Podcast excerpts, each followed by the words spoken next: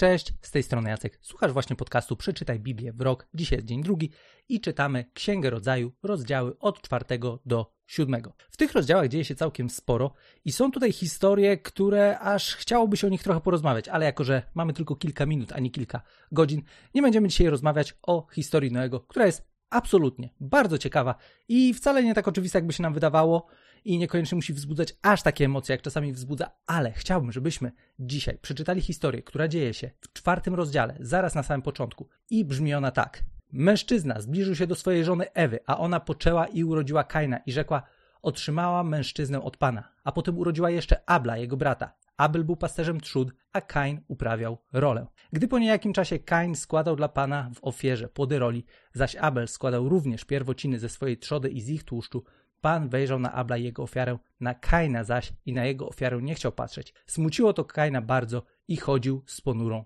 twarzą. Prawdopodobnie wiecie, co dalej dzieje się w tej historii. Kain jest tak poruszony tą sytuacją, tak obruszony na swojego brata, który Bogu ducha winny, po prostu złożył ofiarę, no właśnie, inną i trochę inaczej. Co takiego wydarzyło się? Zwróćmy uwagę na to, że na samym początku Kain jest tak naprawdę pierwszą osobą, w historii, która składa ofiarę Bogu. No to już samo mogłoby temu Bogu się podobać, nie sądzicie? Tak szczerze mówiąc, no sam na to wpadł, sam to zrobił, złożył Bogu ofiarę. Jego brat zrobił to po nim, był drugi. Ale z jakiegoś powodu Bogu bardziej podobała się ofiara Abla. Co takiego wydarzyło się, że akurat Abla ofiara była dla Boga jakkolwiek ciekawsza niż ofiara Kaina? I wydaje mi się, że kluczem do tego może być to, że każdy z nich, pomimo tego, że złożył ofiarę z tego, czym się zajmował, Abel był pasterzem trzód, Kain uprawiał rolę. Naturalnie, jeden składał ofiarę ze zwierząt, drugi składał ofiarę z płodów rolnych.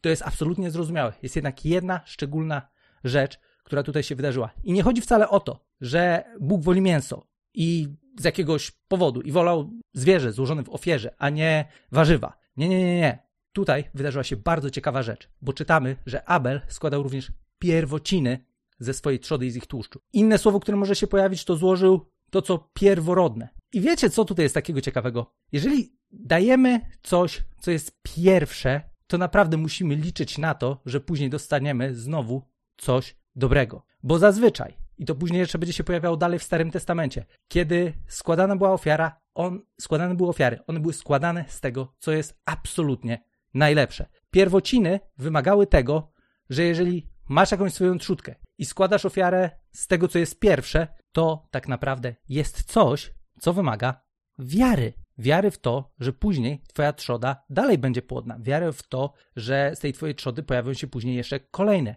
Kain z kolei złożył po prostu Bogu ofiarę z tego, co miał. I być może to były trochę wybrakowane. Być może to było tak, że już był e, po całych żniwach i po prostu złożył ofiarę z tego, co mu zbywało. Może nawet niekoniecznie było jakoś szczególnie wybrakowane, ale tak naprawdę nie było w żaden sposób wyjątkowe. To, co zrobił Abel, to złożył ofiarę z tego, co było absolutnie wyjątkowe i co również od niego wymagało wiary. I wiem, że możesz tutaj być dzisiaj i słuchać tego podcastu na zasadzie, ok, dobra, mogę być y, ciekawy trochę Biblii, ale ona ogólnie niekoniecznie jest czymś, co mnie do siebie przekona i kumam.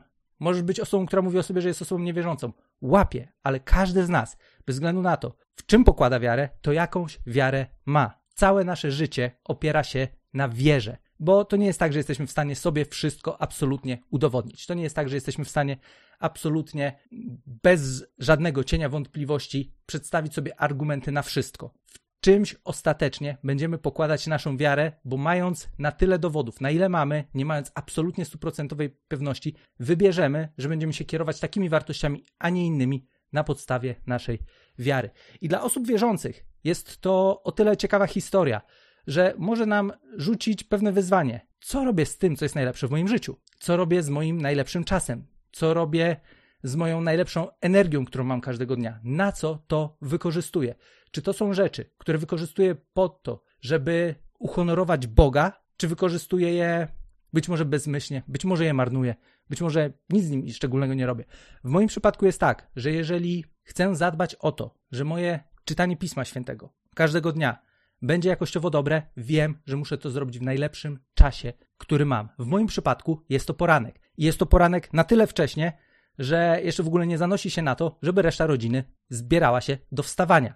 Wiem, że potrzebuję odpowiednią ilość czasu, żebyś sobie po prostu spokojnie wstać, ogarnąć się, zrobić sobie kawę, usiąść w fotelu i zacząć czytać Biblię. To jest absolutnie wyjątkowy czas dla mnie. To jest czas, w którym mam najlepszą energię. To jest czas, w którym jestem najbardziej skoncentrowany.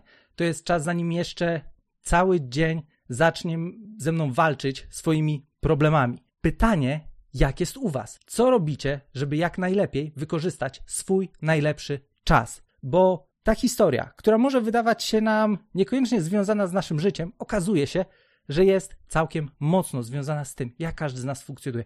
Bo to jest historia, która uczy nas tego, że zawsze Bogu podoba się to, kiedy działamy z wiarą i kiedy Jemu poświęcamy to, co dla nas jest najcenniejsze. I to nie jest tak, że kiedy Bogu poświęcamy coś, co jest dla nas najważniejsze, to to bezpowrotnie przepada. Tak naprawdę czas, który poświęcamy Bogu, który jest naszym jakościowym czasem, może być dla nas najlepiej spożytkowanym czasem całego dnia i może być czasem, który pomoże nam ustawić całą resztę innych spraw we właściwym miejscu. Na koniec jeszcze jedna szybka historia, która jest właśnie z tym związana i która pokazuje, jak wiara jest bardzo szczególna. W liście do Hebrajczyków w 11 rozdziale, w 6 wersecie czytamy, że bez wiary zaś nie można podobać się Bogu. Przystępujący bowiem do Boga musi uwierzyć, że Bóg jest i że wynagradza tych, którzy go szukają. Zdecydowanie jeden z braci wykazał się wyjątkową wiarą, poświęcając to, co było dla niego pierworodne. I nie, nie dziwi wcale koniecznie to, że on właśnie bardziej podobał się Bogu niż drugi brat.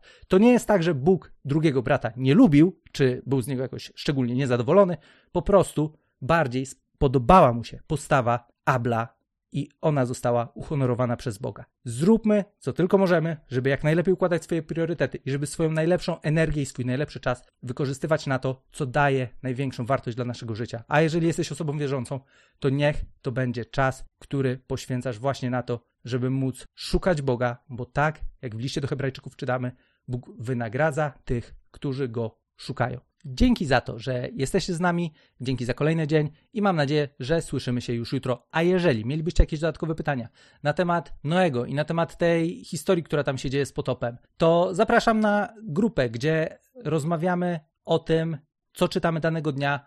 Ta grupa jest na Facebooku, przeczytaj Biblię w rok, ale żeby było Wam łatwiej, możecie ją znaleźć, kiedy wejdziecie na stronę bibliawrok.pl i zostaniecie automatycznie przekierowani do tej właśnie grupy, do której zachęcam Was, żebyście dołączyli, jeżeli macie jakieś dodatkowe pytania i chcielibyście porozmawiać na temat tego, co czytamy. Raz jeszcze wielkie dzięki i do usłyszenia.